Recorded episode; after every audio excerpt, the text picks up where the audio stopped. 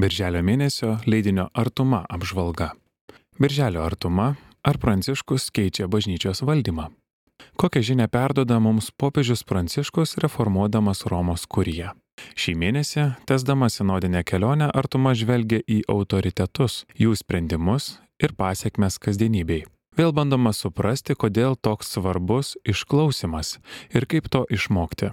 Ar mišiose girdimas Dievo žodis pamaitina, kai susirenkame prie žodžio stalo?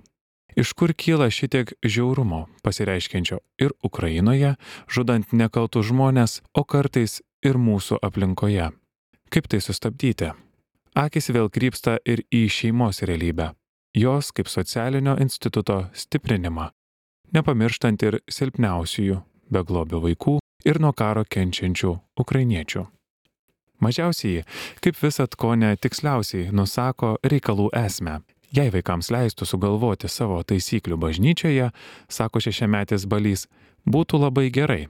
Mano taisyklė būtų tokia - trumpos maldos ir labai daug švenčių, kurias reikia švesti.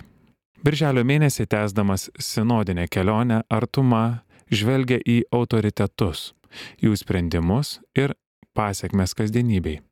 Vėl bando suprasti, kodėl toks svarbus išklausimas ir kaip to išmokti. Šių temų leitmotyvas nėra naujas, žurnalo kuriejai atkakliai jį kartoja. Tai krikščionio ėjimas prie kito žmogaus, mažesnio, nei, neįtakingo, socialiai menkiau apginto. Ir nesvarbu, ar tai būtų pagalbos reikalingi parapiečiai, vaikai, pabėgėliai ar tiesiog eilinis mišių dalyvis. Kiekvienas turi teisę tapti aktyviu ir reikalingu bažnyčią kuriančiu nariu. Išgirsti, klausytis, artėti vienam prie kito. Štai sinodinis kelias, į kurį kviečia maištingasis ir dažnai ramybę drumščiantis popiežius Pranciškus. Kokią žinę jis mums perdoda, reformuodamas Romos kuriją?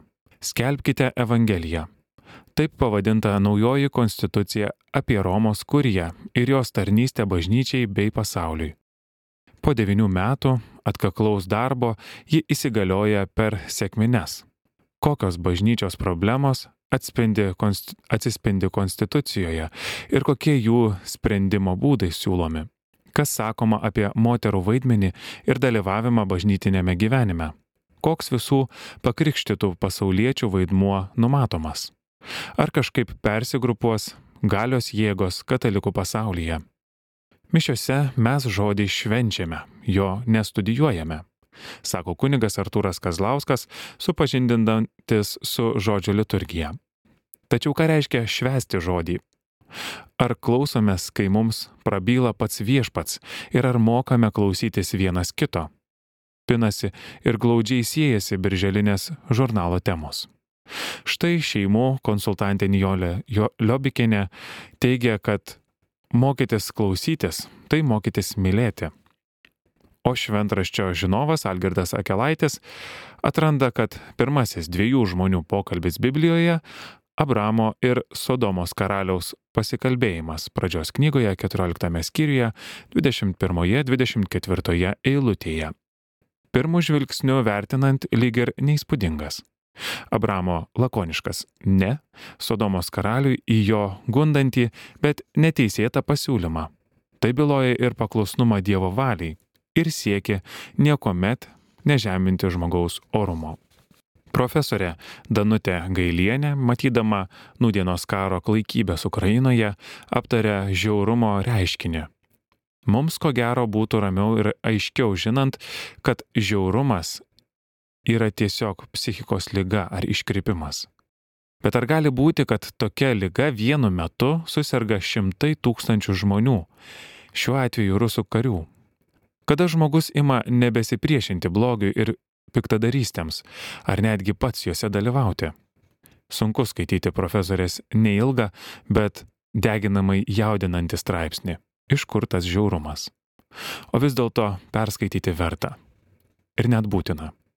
Šiuo metu vis to paties karo akivaizdoje ir būtinybei spiriant kilo idėja atkurti Konstantinopolio patriarchato jurisdikcijos parapijas Lietuvoje. Ir tai nėra kažinkas nauja, nes tai gyvavo dar prieš šimtus metų ir gal pats laikas tikintiesiems teisėtai sugrįžti tam pavaldumui. Kviečiame susipažinti su ortodokso kunigo Gintaro Jurgio Sungailos tekstu. Tėvo dienos proga redakcija kalbina belgą Bartą Pavalsą, Vilniaus prancūzų licėjaus mokytoją, karito darbuotoją ir savanorį, su žmona Ernesta auginantį savuosius ir dar globojantį penkis vaikus. Ar sunku būti tėvu? Ne tik saviems, bet ir globojamiems vaikams. Kokį šeimos modelį ir tėvų vaidmenis regi Bartas Lietuvoje? Kas patrauklu, o kas stebina?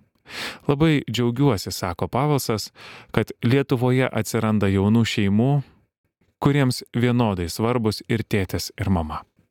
Akis vėl krypsta į šeimos realybę, nepamirštant ir silpniausių, be tėvų likusių vaikų, nuo karo kenčiančių ukrainiečių. Ar girdime vienas kitą, ar matome, ar atjaučiame. Leidinio Artuma apžvalgą parengė Dovilė Zelčiūtė perskaitė Matas Kaunietis.